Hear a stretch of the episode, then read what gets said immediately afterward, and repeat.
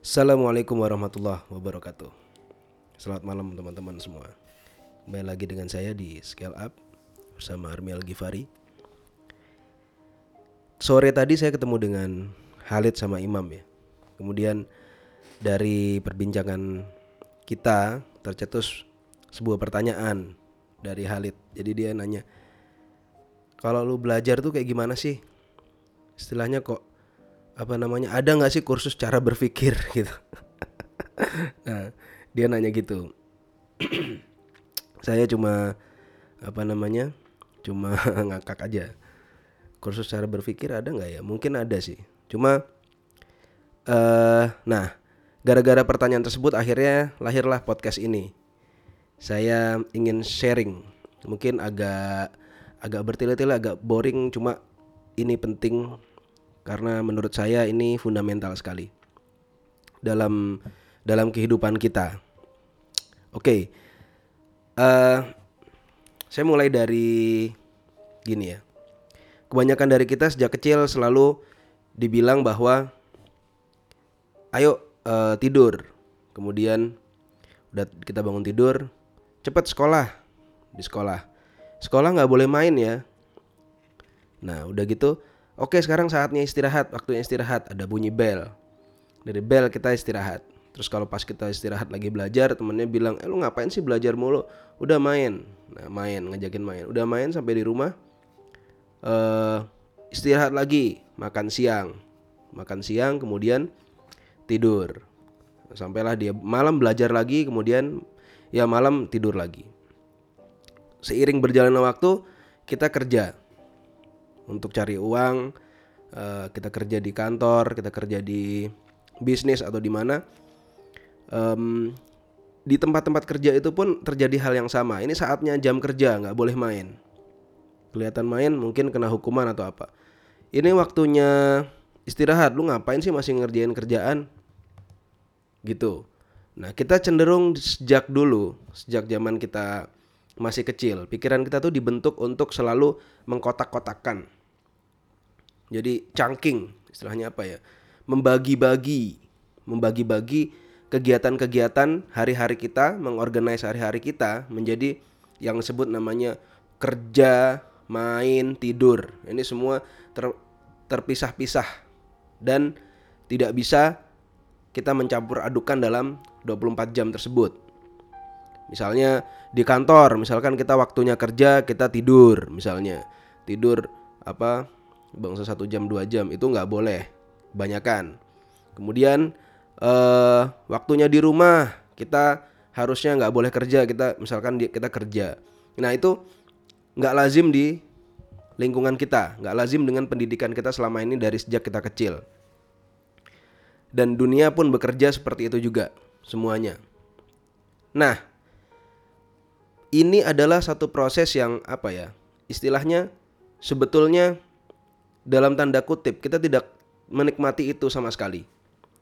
Bisa jadi kan kita pengen di kantor tuh, aduh ngantuknya pengen tidur bangsa satu jam dua jam.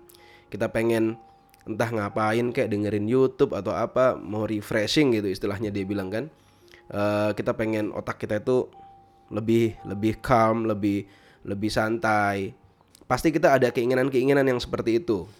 Ya istilahnya ya istirahat lah istirahat habis baca kita istirahat habis nonton sesuatu habis sorry habis habis kerja kita pengen nonton. Nah kita pengennya tuh ada satu bentuk istirahat istirahat seperti itu. Nah dari dari suasana-suasana seperti itu itu adalah sebetulnya lazimnya cara berpikir manusia. Makanya ada satu orang tokoh yang dinama yang yang terkenal jadi uh, namanya Barbara Oakley. Jadi dia bilang bahwa pikiran kita itu, jadi mode berpikir kita itu, itu terdiri dari dua hal sebetulnya. Ada dua bagian besar yaitu fokus dan diffuse. Fokus dan diffuse di mana dua hal itu adalah sangat valuable, sangat bernilai dan sangat dibutuhkan untuk learning proses otak kita. Otak yang fokus itu seperti halnya kita lagi baca, kita lagi menyerap sesuatu, kita lagi menyimak sesuatu, itu adalah otak yang fokus. Tapi ada otak-otak yang diffuse. Diffuse itu misalkan kita meditasi atau kita sholat itu diffuse. Kemudian kita jalan-jalan kita nonton TV kita uh, berhayal misalkan sekedar duduk di taman kemudian hanya ngeliatin hanya ngeliatin taman merasakan pemandangan melihat matahari sore merasakan angin spoi-spoi itu otak kita juga sedang bekerja dan itu adalah sebuah fase yang disebut juga fase learning. Buk, itu bukan bukan berarti kita tidak learning. Gitu. Bukan berarti kita tidak berpikir saat itu. Kita kita saat itu berpikir cuma modenya menurut Barbara Oakley itu adalah mode diffuse mode diffuse itu mode yang membutuhkan uh, otak yang rileks. Kita rileks kemudian pikirannya berkelana ke mana-mana kemudian uh, apa namanya entah tiba-tiba sering kan kita sholat misalnya kita lagi sholat enak-enak sholat lagi habis berwudu airnya dingin kemudian sore-sore kita sholat asar tiba-tiba ingat sesuatu tiba-tiba kepikiran sesuatu.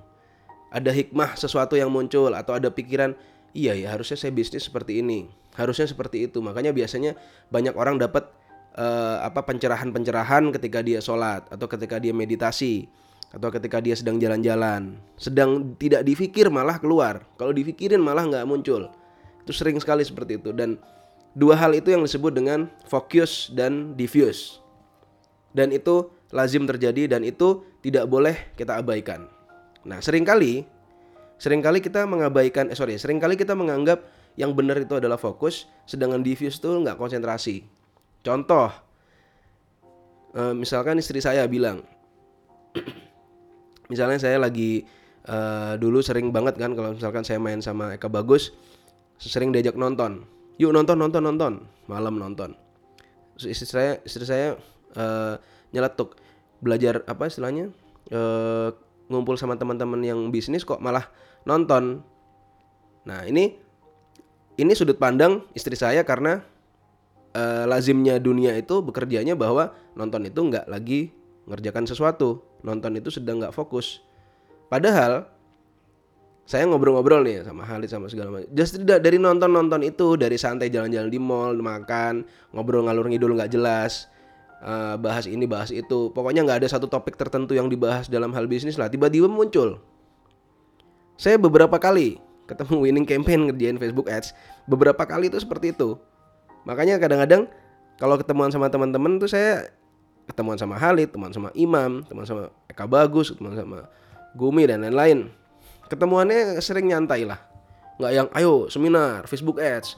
Ayo di kelas kita sharing apa trik-trik tertentu. Nggak ada trik-trik begituan mah jarang jarang kita ngebahas gitu. Kecuali sekali dua kali ya memang butuh beneran lagi ngerancang satu sistem tertentu ya kita harus mencurahkan pikiran saat itu kita fokus.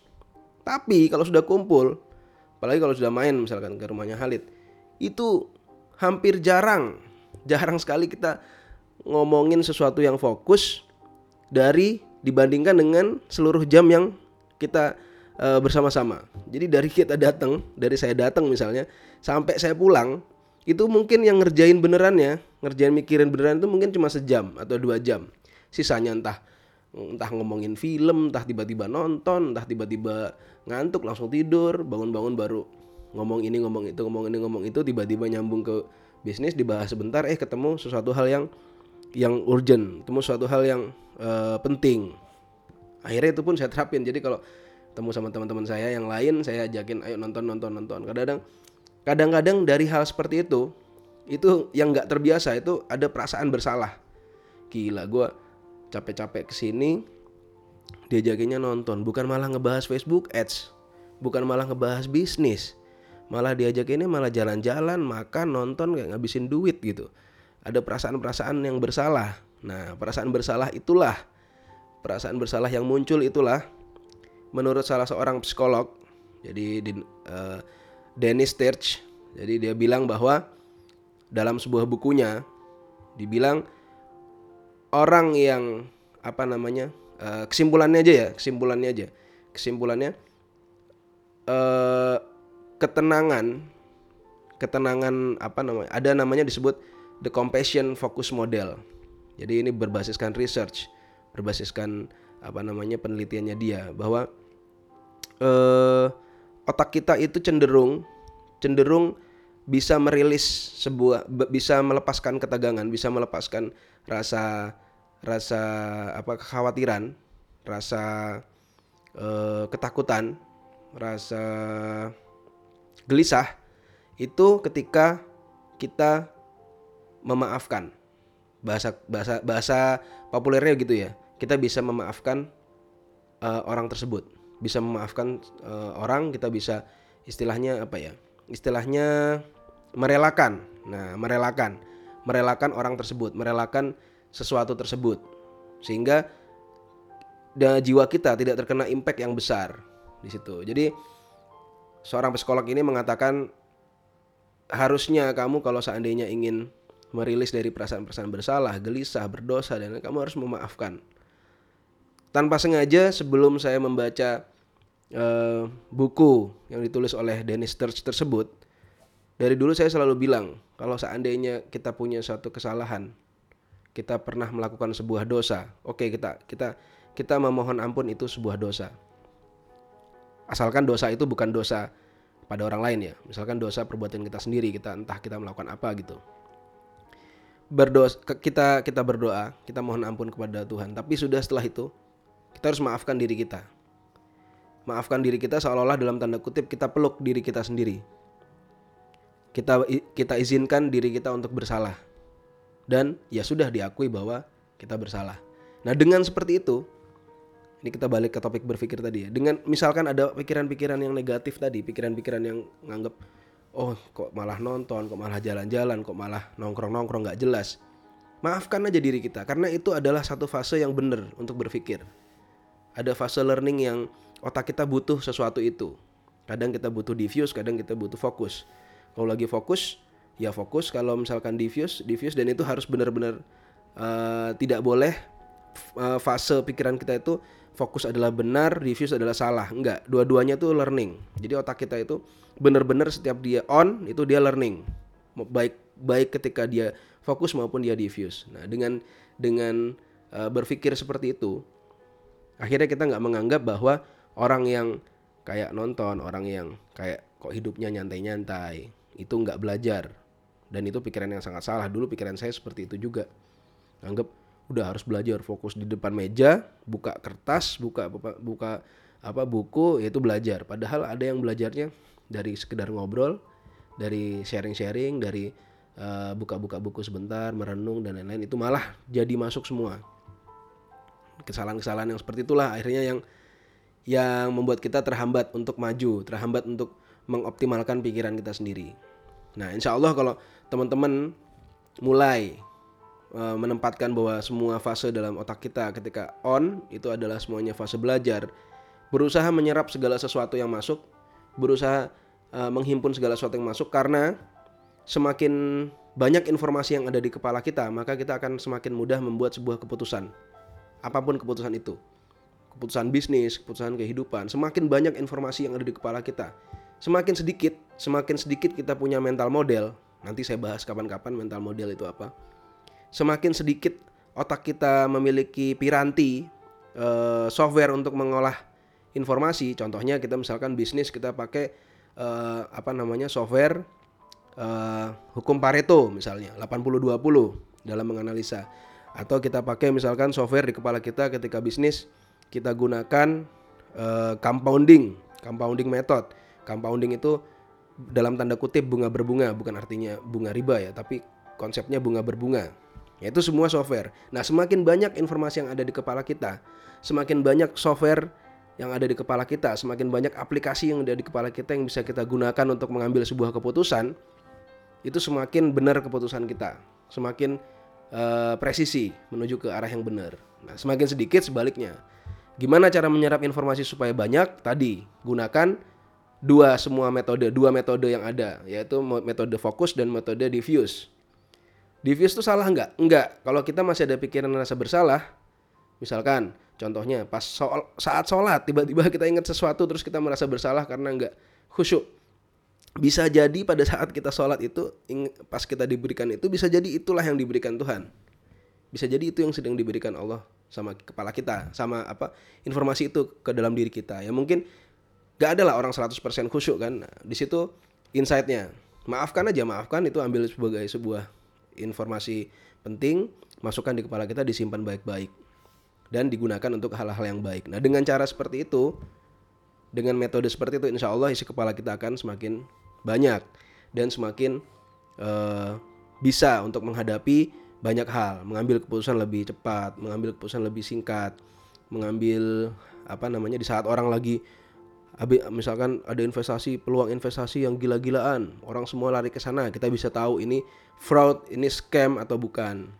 Di saat orang ketakutan semua kita malah maju. Dan sering kali sering kali saya bilang ya sering kali saya karena memiliki apa namanya sedikit walaupun saya nggak bilang banyak ya saya sedikit aja saya pakai beberapa uh, software di kepala software software namanya mental model tadi software untuk berpikir Ketika orang-orang nggak melihat itu sebagai suatu peluang, malah saya melihat itu sebagai suatu peluang. Ketika orang melihat itu rame-rame sebagai sebuah peluang, malah saya menarik diri.